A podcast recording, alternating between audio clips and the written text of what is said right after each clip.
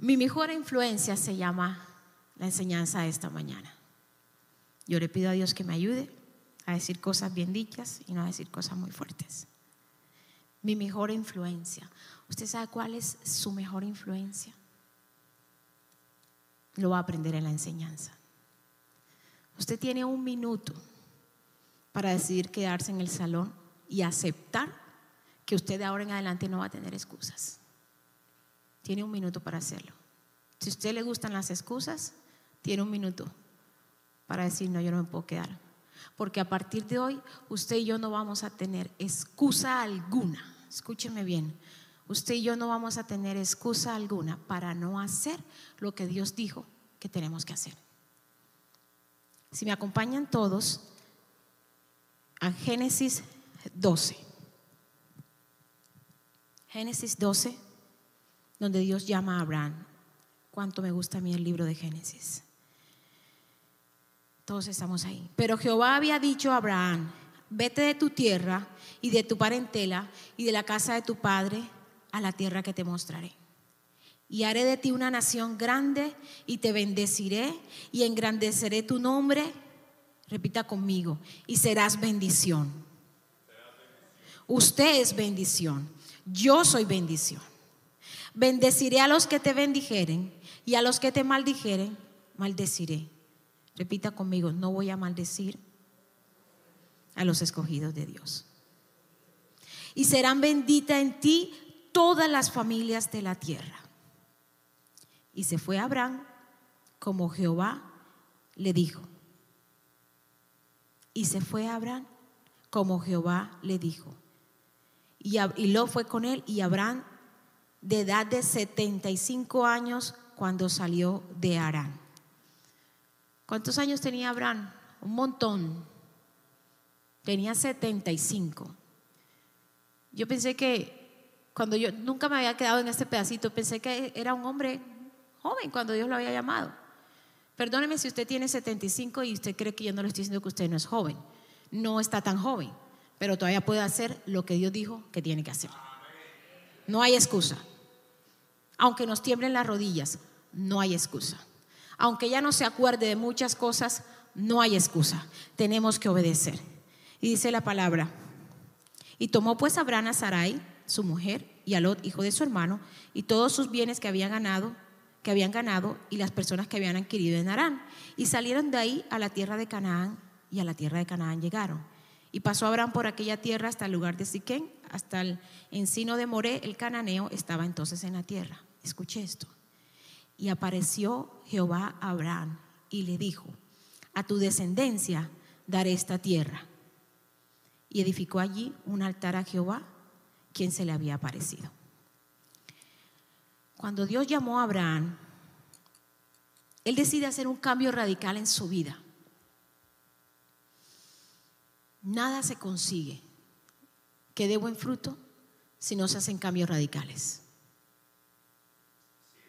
Queremos ser ascendidos, ser promovidos, tener mejores cosas, tener una mejor vida y queremos seguir haciendo lo mismo que estamos haciendo en este momento. Si bien es cierto, hacia donde te está llamando, lo que estás haciendo hoy va a ser muy útil, va a ser necesario. Casi siempre de lo que usted está haciendo y lo hace con disciplina y lo hace con esmero, en esa área usted es promovido. Yo le decía a alguien hace unos días, si mi esposo trabajó 16 años en la industria de restaurantes, el día que él decidió montar su propio negocio, no podía hacer una zapatería, aunque me hubiera ido muy bien, pero no podía vender zapatos, porque él aprendió, estuvo en la universidad de la vida de la escuela 17 años haciendo el negocio de restaurantes.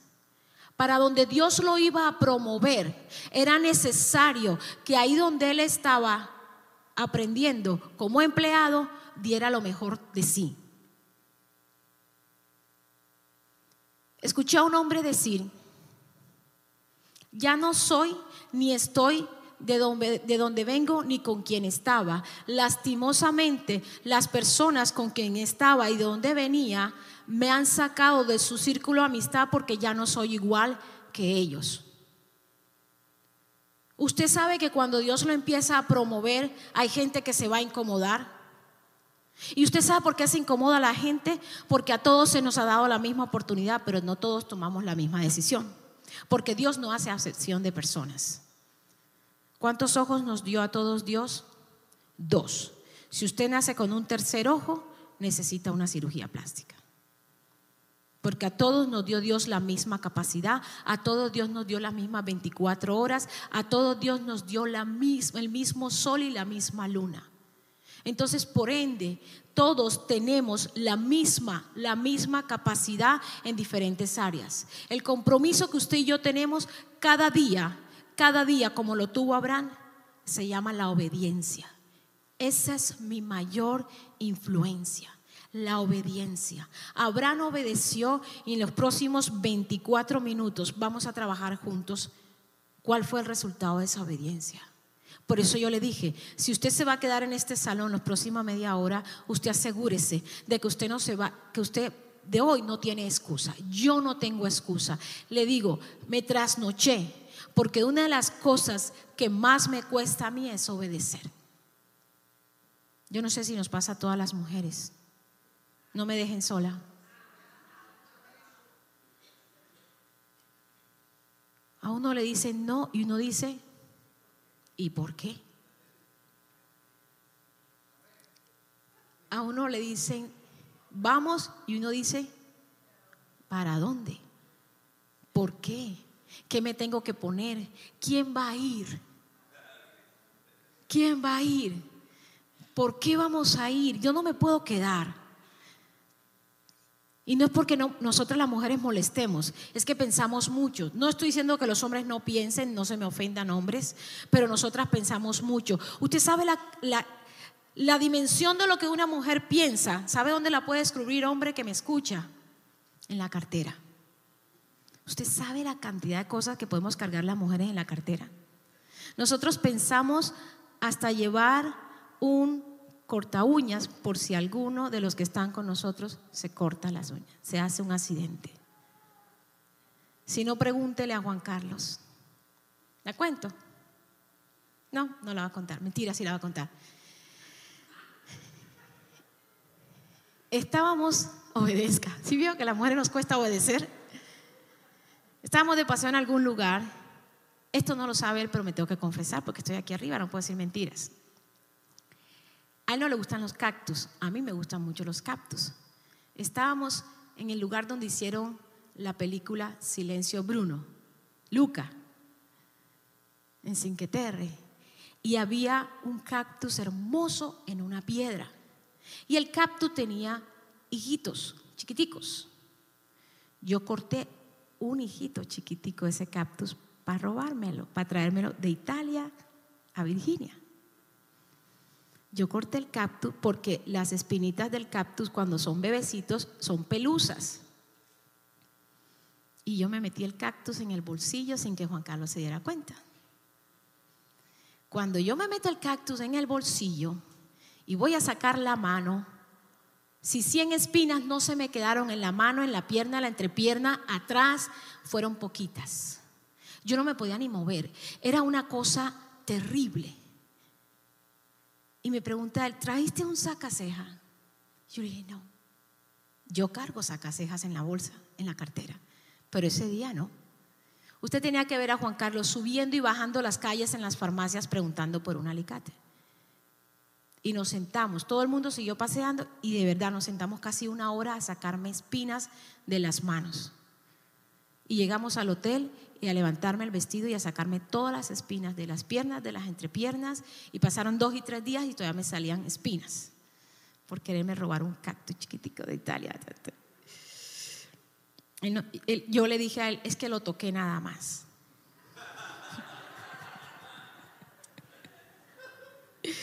Porque él me ha dicho, no se puede traer nada de otro país. Me gusta robarme piedras. Robarme no, las piedras no se roban. A mí me gusta ir a, diferentes países y traerme piedras, sobre todo de lugares muy específicos. Y él me dice, no se pudo uno traer nada de, otro lugar, mucho menos una planta, porque no nos dejan entrar plantas a Estados Unidos. Me cuesta obedecer, me cuesta mucho obedecer. Ustedes conocen mucho de nuestra historia. A mí me cuesta mucho obedecer el clima, me cuesta mucho obedecer formas de, de la iglesia hoy en día. No solo de remanentes, sino de la iglesia Jesucristo. Mire, la iglesia de Jesucristo se ha vendido, se ha promocionado como un lugar donde usted viene, usted recibe a Jesús, usted los problemas se le acaban y usted tiene que aprender a hacer todo lo que hace en esa iglesia. Les voy a decir algo. ¿No está la persona que nos visita por primera vez? Eso es mentira. Eso no pasa en las iglesias. Entonces traemos gente, se convierten y empiezan a hacer las mismas cosas que nosotros hacemos y pretendemos mostrarle una vida hermosa, preciosa, como que nada pasa y es mentira. Tenemos luchas, tenemos problemas, pero tenemos a nuestro gran ayudador, al Espíritu Santo. Eso sí es una verdad. Eso es lo que más debe interesarle a la iglesia de Jesucristo hoy, el Espíritu Santo. En este tiempo de angustia, en este tiempo de necesidad, mire, hágalo su amigo, hágalo su compadre, su, su pana, su brother, hágalo su ayudador. No suelte al Espíritu Santo de Dios, no lo suelte. Porque estamos en tiempos donde se necesita tenerlo presente. Abraham obedece, Abraham tomó una decisión radical. ¿Qué decisión radical tienes que tomar hoy?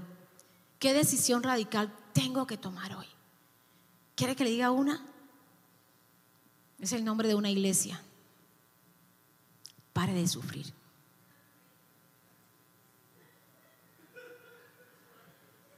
Pare de sufrir. Please, enjoy life. Pare de sufrir. Nuestra hija estaba en El Salvador. El vuelo salió a las 9.45. Llegó a las 9.45, pero en la noche el vuelo había salido a las 9.45 de la mañana. Y me llama, mami, me voy a desmayar, me voy a desmayar, no sé qué voy a hacer, no me puedo ir sino dentro de tres días porque no sale vuelo directo y una angustia, mami, me voy a desmayar. Se va a desmayar, mamita, disfrute otro, otro fin de semana en El Salvador. Disfrute la vida. Carolina me está escuchando. Disfrute la vida. ¿Cuántos salvadoreños están aquí con nosotros que no han podido volver a su tierra? Y usted está de paseo, cómase todas las, nosotros le llamamos ciruelas, ustedes le llaman jocotes todas las pupusas, vaya al pollo campero que el de aquí no se parece al de... Disfrute, mire, pare de sufrir. Disfrute la vida. Disfrute la vida. Todo lo que le pase, agárrelo de la mano del Señor, que el Espíritu Santo tiene cuidado de cada detalle de su vida. Se lo digo con la autoridad de procesos vividos. No pierda la llorada. Deje de llorar Recuerde esto, la tristeza es un, instrumento del diablo. No viva triste.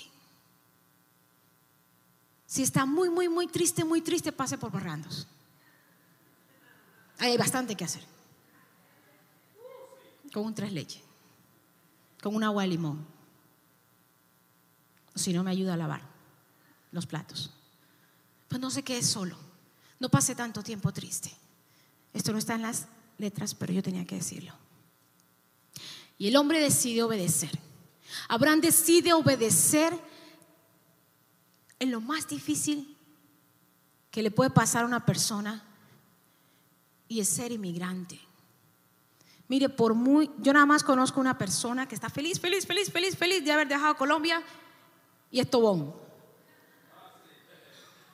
Está feliz. Y qué bueno, me alegro mucho. Venimos y venimos con toda la expectativa hermosa de para venirnos para Venezuela. Mi tía que está allá, ella vive en Venezuela, está inmigrante. Mi amiga Aileen que está conectada, ella está en Roma, es inmigrante. Y todos los que estamos aquí, la gran mayoría somos inmigrantes. Y nos venimos y nos gozamos, pero al rato nos enfrentamos a unos retos tenaces. Yo tengo una amiga que está extrañando hasta los bordillos de la calle donde ella creció. Yo extraño todo y tengo 22 años en América. Extraño todo. Usted, le voy a decir algo. Usted que es inmigrante y vive en Estados Unidos de América. A la gente de Centroamérica y de Suramérica le molesta que nosotros digamos que esto es América. Esto es Norteamérica. Ellos también son América. El hombre migra, deja a su papá, su papá era un líder, sale con su mamá, con su esposa y un primo, ah, y un sobrino. ¿Cuánto cuesta? A veces nos cuesta habernos cargado al sobrino o al primo cuando emigramos. Pero en ese momento de obediencia comienza la historia del hombre más influyente del pueblo que hoy se llama Israel. ¿Por qué se caracterizan los judíos, los israelitas? A ver, díganlo, todos sabemos. ¿Por qué se caracterizan ellos? Ellos, ellos cuentan el dinero así. Ellos son prósperos. Las universidades de ellos, el ejército de ellos, la medicina de ellos, todo el comportamiento de ellos quedó asegurado el día que Abraham escuchó lo que Dios le dijo y obedeció. ¿Usted sabe por qué usted está en la dificultad que está? Oh, nadie tiene una dificultad aquí. Yo sí tengo dificultades. ¿Usted sabe por qué usted está donde está en la dificultad que está? Porque no hemos obedecido. No le eche la culpa a la bruja, no le eche culpa a la esposa, no le eche culpa a Trump, no le eche la culpa a Maduro. Es porque no hemos obedecido. No hemos obedecido. ¿Qué dijo Dios? Yo estoy contigo todos los días. Eso lo dijo el Señor Jesús. ¿Qué dijo Dios? Yo sacaré agua de la piedra. ¿Qué dijo Dios? Yo haré un camino donde no lo hay. ¿Qué dijo Dios? Yo tendré cuidado de ti. ¿Qué dijo Dios? Que te rodearé por detrás, por delante. ¿Qué te dijo Dios? ¿Qué me dijo Dios? Que nada nos podrá hacer frente ni uno ni un solo día de nuestra vida. Que dijo Dios, yo colocaré gente que tú no conoces para que te bendigan. Que dijo Dios, si me construyes altar, siempre habrá bendición y volverá a llover. Que dijo Dios, tráeme los diezmos a la casa y abriré la ventana de los cielos. Que dijo Dios, este para los hombres. Ay, ¿cómo se hacen los hombres? Cuidadito. ¿Sabe qué le dijo Dios a los hombres? Cuidadito usted se le ocurre dejar a la mujer de su juventud e irse con una muchachita. Ay, alguien necesita escuchar esto. Eso lo dijo Dios.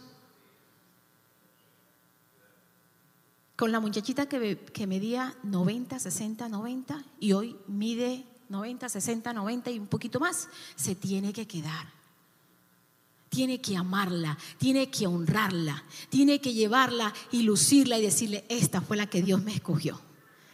Esta fue la que Dios me escogió. Esta fue la que Dios dijo. Las demás son las demás. Amén, hombres.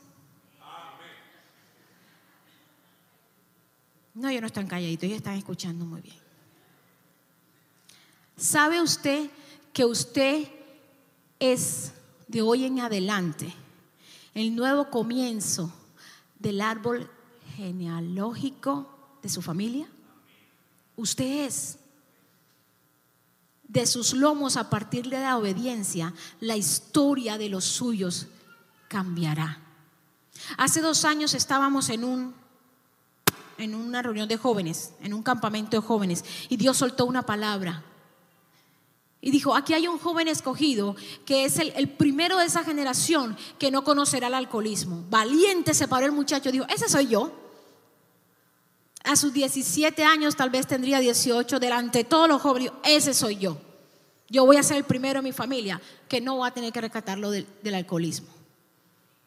¿Sabe usted que a partir de hoy, usted que me escucha, usted que está en casa, ojalá me estuviera escuchando Aldair,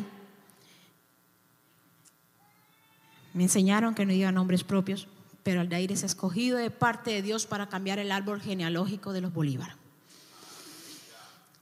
Usted tiene hoy un compromiso. Si usted es hombre, si usted es el jefe de su casa, usted tiene un compromiso al escuchar esta palabra. ¿Para qué lo trajo Dios? Juan Carlos dijo, hay hombres y hay, hay, alguien aquí que necesita saber cuál es el propósito de su vida. Dios te trajo para que escuchara que a partir de tu obediencia la historia cambiará. Hombres, póngase los pantalones bien puestos. así bien puestos, y obedezca. Le conviene a usted, le conviene a su mujer y le conviene a las diez generaciones venideras. Se lo pruebo con la palabra, se lo pruebo con la escritura. Génesis, vámonos antes, antes de probárselo, Génesis 26 del 1 al 5. Y se va conmigo. Después hubo hambre en la tierra, además de la primera hambre que hubo en los días de Abraham. Y se fue Isaac a Abimelech, rey de los filisteos en Gerar. Y se le apareció Jehová a Isaac, se le apareció Jehová como se le había aparecido al papá. Y le dijo, no te vayas a la tierra de Egipto, habita en la tierra que yo te diré. Habita como forastero en esta tierra y estaré contigo y te bendeciré, porque a ti y a tu descendencia daré todas estas tierras. Y escuche esto, y afirmaré el juramento que hice a mi influyente, a mi influencer, Abraham tu padre. Multiplicaré tu descendencia como las estrellas del cielo y daré a tu descendencia todas estas tierras y todas las naciones de la tierra te serán benditas en tu, en tu simiente. ¿Sabes por qué? Porque cuando oyó el influencer Abraham mi voz, guardó mi precepto, mis mandamientos, mis estatutos y mis leyes. Y salte conmigo al 12. Y sembró Isaac en aquella tierra y cosechó aquel año al ciento por uno y le bendijo Jehová. Y el varón se enriqueció y fue prosperado y se engrandeció hasta hacerse muy poderoso y estaba en una tierra que no era la tierra de él. Pero su papá, el influencer Abraham, había hecho un acto de obediencia. Miraba esta mañana a tu hijo Villa cantar. Gracias por la influencia en tu hijo. Porque partirás al cielo y tus nietos y los hijos de tus nietos seguirán siendo influenciados por tu obediencia. ¿Cuánto le da un aplauso al Señor por eso?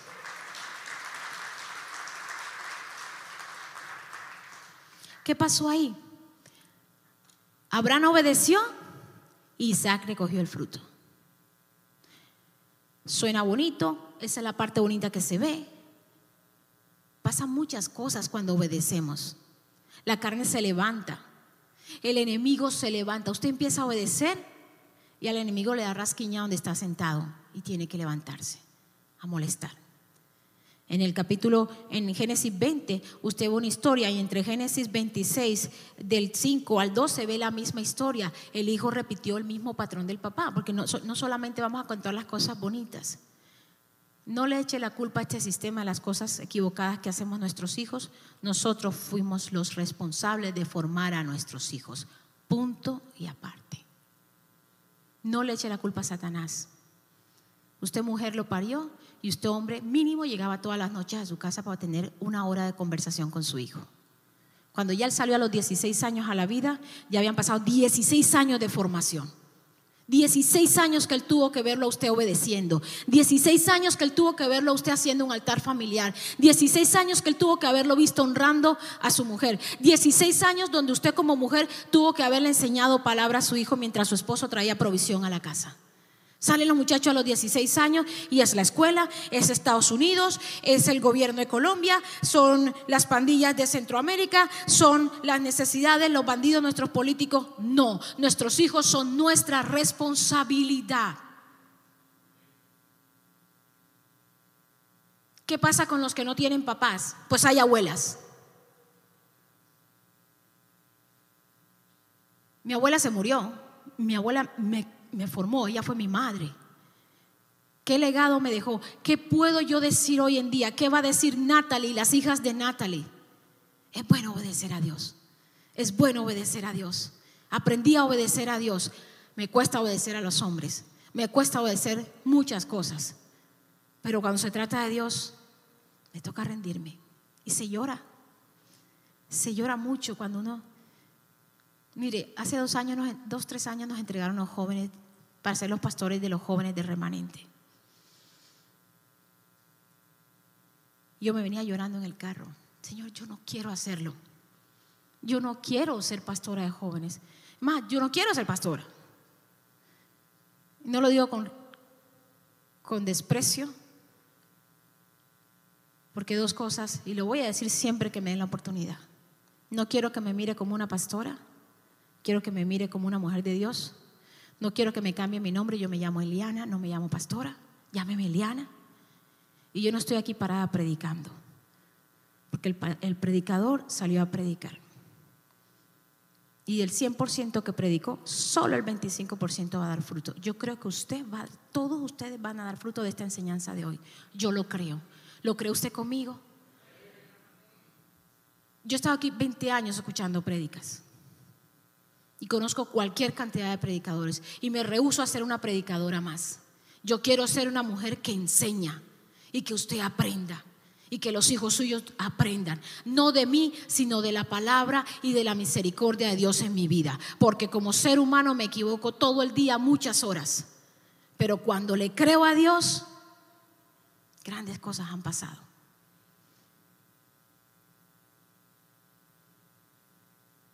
El Señor bendijo a Isaac porque Abraham obedeció. En la obediencia va a involucrar a la santidad. ¿Qué es la santidad? No es lo que hago para que usted me vea. Es esa relación con Dios. Es ese momento de intimidad con Dios. Es, es mi ADN. Es que no lo puedo hacer porque Él me hizo santa. No es que no me den ganas.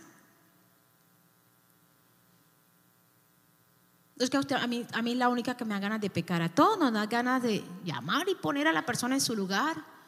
Y nos dan ganas de escribir en, los taxes menos para pagar menos. Ay, ay, ay, ay, ay. Dele a César lo que es de César. Dele al gobierno lo que es del gobierno. Y usted verá cómo Dios le defiende su bolsillo. No le dé la vuelta al dinero. Los números son números y esos no mienten. No es que yo corto por aquí, corto por allá, digo que me gané 24 mil, hice 50 mil, nada más pago sobre 24 mil, de los otros 26 mil no pago impuestos. No funciona así. No funcionó así en el Antiguo Testamento, no funcionó en el Nuevo Testamento y no funciona hoy. Estaba Jesús, ven acá, estaba con uno de los apóstoles, nos están cobrando los impuestos. ¿Qué hace? Jesús era el Hijo de Dios. ¿Qué hacemos? Coge un pescado y dentro del pescado encontrarás una moneda en la boca y ahí pagas tus impuestos y los míos y todavía nos quedan debiendo. Dios tiene cuidado de nosotros, usted tenga cuidado de obedecer. Obedezcamos, que nos conviene, nos va a ir bien. Y sigamos con el mayor influente. Abraham obedeció, su hijo recibe el beneficio. Dios quiere promocionarnos, pero es necesario que usted y yo obedezcamos. Obedezcamos. Muy bien. Pasemos a Éxodo. Creo que voy bien, ¿verdad? Éxodo 12, el 35 al 40. La iglesia se está modernizando, ¿saben? Porque cuando hace cinco años atrás, esto se escuchaba cada vez que uno daba un... Todos cambiando la página. Hoy la tecnología nos ayuda. ¿Usted se imagina a nuestros muchachitos cargando con estas, con estas Biblias? No, ellas no lo van a hacer. Pero no lo regañe porque no cargue con una Biblia. Él tiene su teléfono y hay tecnología relajaditos con los muchachos. La palabra dice que no los, que no los irritemos tantos. Ajá. Que se va a pintar el pelo de morado, pínteselo usted en el baño. No le haga pleito por eso. Que se quiere por un arete, póngaselo. Igual, para el cielo no vamos ni con el pelo morado ni con los aretes. Vamos como cuerpo glorioso. Amén. Aquí voy a leer algo.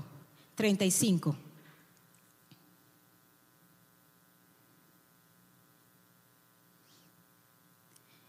Éxodo 12, 35. Esta la voy a leer de la nueva versión viviente, pero te lo puede leer ahí, no es mucha la diferencia. El pueblo de Israel hizo lo que el Dios le había ordenado. Una vez más, obedecieron. Y pidieron a los egipcios plata, oro y telas. Los egipcios eran los dueños de ellos, ellos eran esclavos. Donde quiera que usted esté, acuérdese algo, usted tiene derecho de hijo de Dios.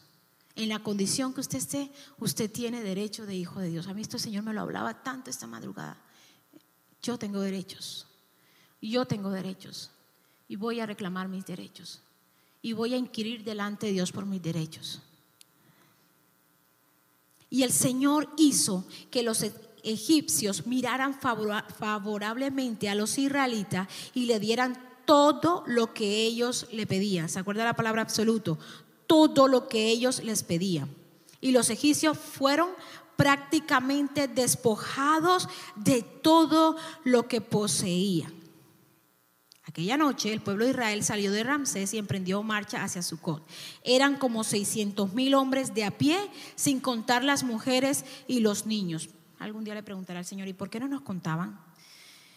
También salieron con ellos personas de diferentes nacionalidades.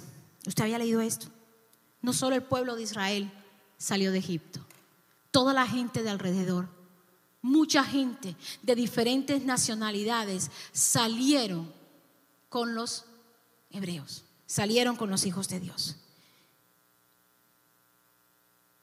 Y dice 40.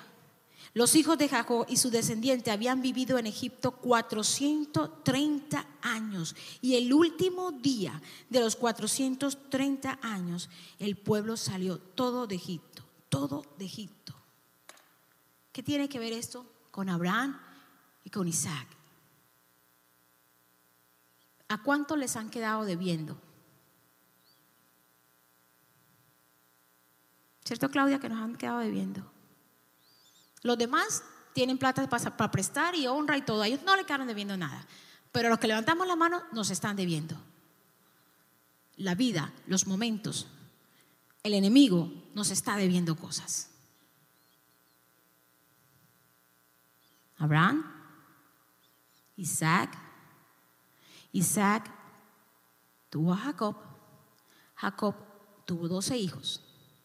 De los doce hijos, José al que le fue mal según la historia. Yo no sé cómo usted está, ni usted no sabe cómo estoy yo. Pero una de las cosas que usted se tiene que estar completamente seguro es que Dios está con usted. Dios está con usted. Asegúrese de eso. Que usted es amigo del Espíritu Santo y que Dios está con usted. Entonces usted sabe que el Espíritu Santo redarguye. ¿Usted sabe qué es redarguir? Así como conmueve. Lo tienes ahí, te está hablando, te está inquiriendo. El Espíritu Santo de hoy en adelante te va a redarguir, te va a decir, obedezca. ¿Usted el susto que a uno le da cuando uno le dicen, obedezca? Obedezca. Y el Señor te va a decir, yo estoy contigo. Obedecer te va a doler, pero yo estoy contigo. Obedecer te va a doler, te van a engañar, pero yo estoy contigo. Te están debiendo, pero yo estoy contigo. José fue prosperado en todas las cosas que hacía, hasta en la cárcel. Lo nombraron el administrador de la cárcel. Donde usted quiera que esté, la condición que usted esté viviendo, la condición que sus hijos estén viviendo, ahí está Dios. Y Dios tiene cuidado de ellos, de los suyos, de una forma, oh, si el Señor nos dejara ver el cuidado que tiene de nuestros hijos. Es como una gallina, así, con las alas cuidando a sus polluelos. Dios tiene cuidado a nuestros hijos, donde quiera que estén. Si eso les sirve de refrigerio en esta mañana, dele un aplauso al Señor. Dele un aplauso al Señor. Mis hijos y tus hijos están bajo las alas de nuestro Padre como la gallina que empolla sus polluelos, como el Shaddai de muchos pechos que amamantan. No les hará falta nada a nuestros hijos mientras usted y yo obedezcamos. Jacob tuvo doce hijos, las doce tribus de Judá. José lo vendieron, José estuvo preso, José, porque Dios estaba con él, como de hoy en adelante usted es consciente que Él está con usted, lo nombraron el hombre más influyente de la nación más poderosa que había sobre la tierra y una vez más era una hambruna. Cuando en los tiempos de Abraham hubo un hambre terrible sobre la tierra. En los tiempos de Isaac, cuando lo, lo, manda a la tierra, donde él le dijo, usted se queda aquí, había una hambruna. Cuando Jacob se va para Egipto, había una hambruna. Hoy en día hay una hambruna. El mundo está necesitando de Jesús. Y usted y yo tenemos a Jesús, el pan de vida. No hay tecnología, no hay carro, no hay viajes, no hay fotos en el Facebook, en Instagram, no hay relaciones, no hay negocios, no hay títulos, no hay músculos que llene el espacio que llena Jesús en la vida de una persona. Ayer hablaba con una de las muchachas que trabajan en nuestro equipo en Parrandos. Vaya que dio guerra a ella. Y me dice, venga, le cuento algo. Estoy yendo a una iglesia.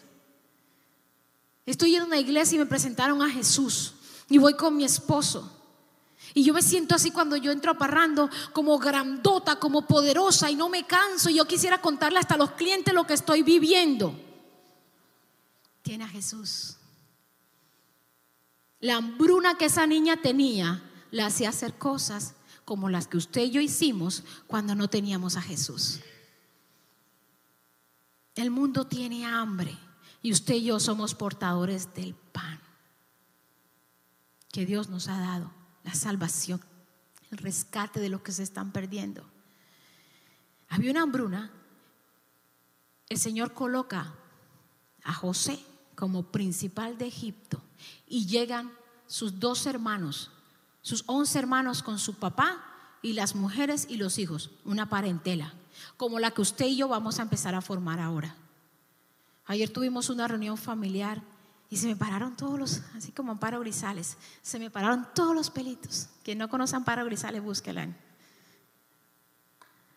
Y yo decía, wow, mi parentela. Y me faltaron varios. Llegamos cuatro. Y ya somos casi 20. Y vamos a hacer muchos más. Y si usted quiere venir a mi parentela, usted también es bienvenido. Hay bastante que hacer. Y llegaron. Y por la gracia de José, los acogió a Egipto. Y los tenían en privilegio. El privilegio que el mundo te da es momentáneo. Es momentáneo. Pero la posición que Dios te ha dado como su hijo es eterna y empieza a vivirla ahora. La salvación, cuando usted se muere, usted ya es salvo, usted ya le pero la salvación mientras usted está vivo de hoy en adelante es un tesoro poderosa, es un arma. Usted es sano, usted es libre, usted es prosperado, usted es restaurado y usted es portador del pan de vida. Eso es la salvación aquí mientras usted está vivo. La salvación cuando se muere ya es, su, su, espíritu con Dios. Pero la carne, el alma y el espíritu necesitan mucho. De que usted sea consciente que usted es salvo, de que somos salvos. La influencia de Abraham en Isaac y en su nieto Jacob llegó hasta Egipto. Pero ¿saben qué? Pasaron 430 años de esto que estoy leyendo de Jacob, llegando con hambre a la nación de Egipto.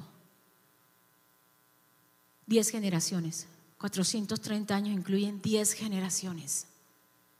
Y ahí estaba Dios vigilante. Dice que cuando salió el pueblo de Dios de Egipto hasta las huestes de Jehová, o sea, todos los ángeles, todos los arcángeles, todo, todo lo de Dios salió de Egipto y se fue con su pueblo. Tenemos nosotros la magnitud de lo que Dios es en nuestra vida, de lo que Dios es por nosotros. Y el Señor dice, espérate, se van a ir. Pero yo hice un pacto con Abraham y Abraham me obedeció. Isaac me obedeció. Jacob me obedeció. 430 años pasaron sin conocerme, pero no se dejó de manifestar. Dice que el Espíritu de Dios le dijo a Moisés, he visto, ha subido a mí el clamor de mi pueblo por lo que le hace Egipto. ¿Qué te está haciendo el enemigo? Clama a Dios y Dios escuchará. ¿Qué te está debiendo? ¿Qué te están debiendo? Clama a Dios y Dios te escuchará. Y el Señor escuchó el clamor. Y el Señor dijo, van a salir de Egipto Van a volver a Canaán, van a volver a la tierra que yo les di a Abraham. Van a volver. Y en el 2022 serán una nación poderosa.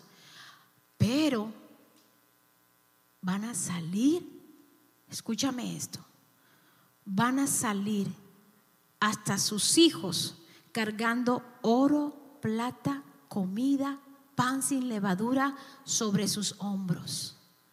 Dios tiene la. Por eso le pregunté, ¿a quiénes les están debiendo?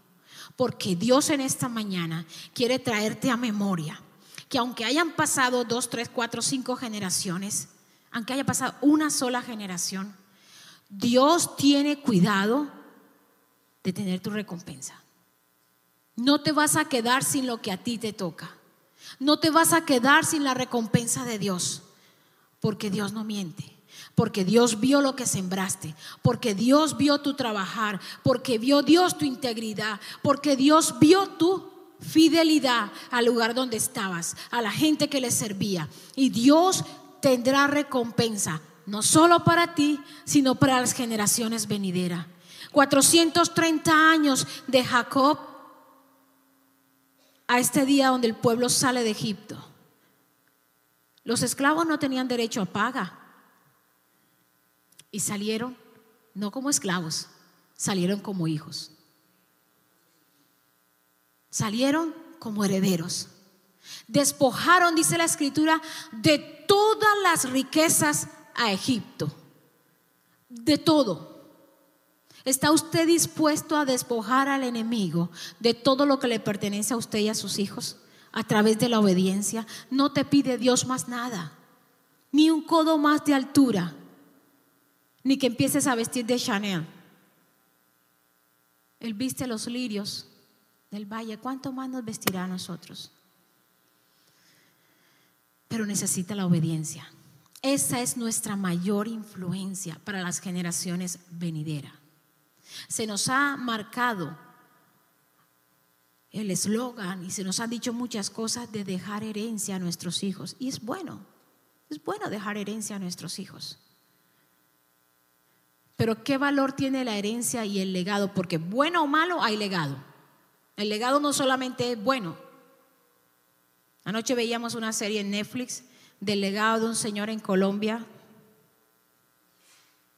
Si su nieto llega a ver ese, si el nieto de ese señor llega a ver ese seriado, yo desde aquí le pido disculpas. Porque la mamá de él ve estas enseñanzas. El legado puede ser bueno o puede ser malo la herencia que usted le deje a sus hijos financieramente hablando, si no hay carácter, si no hay integridad, si no hay obediencia a Dios, se puede volver una desgracia. Yo he estado en repartición de cosas de personas que se han muerto. Más, yo le pido por favor que haga un testamento. Ay, hermana Eliana, ¿un testamento de qué? Hasta de las blusas que tiene. Se ríen, ¿verdad? Pero yo he estado, yo he estado en la repartición de personas que se han muerto, que lo único que han dejado son blusitas y se ha formado una pelea. Yo quería la roja, pero la blanca no, no, es que esa, esa se la regalé yo a mi mamá, me la tienen que devolver. No, es que esa no, y se fue, entonces sabes que ya no quiero nada. Y la otra se fue llorando y yo me decía, y yo, ¿por qué no le dije a mi mamá que era un testamento que todas las blusas eran para mí? Y ya. Los labiales, los... En serio, Escriban un papel, no tiene que pagar un abogado, escriban un papel a quien le va a dejar todas sus cosas y le evitará muchos problemas a los que se quedan vivos. El carro viejo del abuelo. En vida a nadie le importaba ese carro, se murió el abuelo y empezaron todos a pelear el carro. Y usted sabe que eso, es una deuda que usted se mente porque esos carros son tan costosos volverlos a mantener. Pero nos, nos desbaratamos como familia por herencias absurdas. Entonces, no hay tal cosa de dejarle un legado y una herencia a nuestros hijos si no obedecemos a Dios. Esa es tu mayor y mi mayor influencia para nuestras generaciones, el obedecer a Dios. Abraham obedeció, Isaac fue bendecido. Isaac obedeció, Jacob fue bendecido. Jacob obedeció. 430 años después salen unos esclavos transformados en hijos para adorar a Dios, cargando en sus espaldas ellos y sus niños los tesoros de Egipto. ¿Qué te debe Dios? Nada. Usted le debe mucha obediencia a Dios. Yo le debo mucha obediencia a Dios. De lo que usted está escaso, Dios tiene abundancia, pero necesitamos obedecer. Mi mayor influencia es la obediencia. Mi mayor influencia es creerle a Dios, obedecer a Dios y me moriré yo y se morirá mi esposo y nuestros hijos y los hijos de nuestros hijos serán de bendición. ¿Por qué? Porque hubo alguien que obedeció.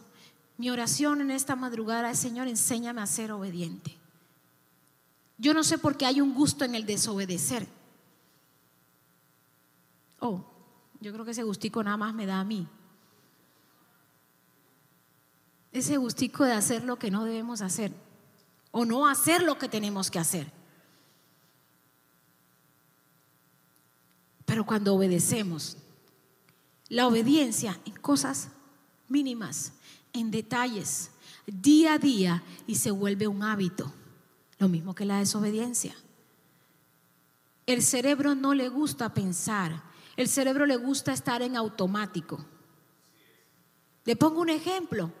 Usted se acuerda cuando usted va manejando y dice, ya llegué y no me di cuenta ni cómo llegué. Su cerebro lo trae en automático.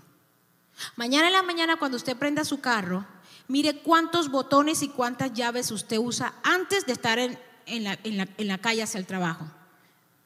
El botón del celular, el botón del carro, el botón de abrir el garaje, el botón de cerrar el carro, el botón de prender la radio, el botón de poner reversa, y el botón de poner drive. ¿Cuántos botones fueron? ¿Usted se acuerda cuántos botones hundieron? No, ¿verdad? Porque el cerebro es automático. Usted empieza a crear el hábito de la obediencia. Obedezca, obedezcamos, obedezcamos. Y usted verá cómo su cerebro no se esfuerza en obedecer. Es un estilo de vida, es una forma de él estar en automático. Obedezco porque esto me dieron de instrucción. Y sus hijos empiezan a ver que usted es obediente y sus hijos automáticamente obedecen. Sus hijos y mis hijos han desobedecido porque nos vieron desobedecer.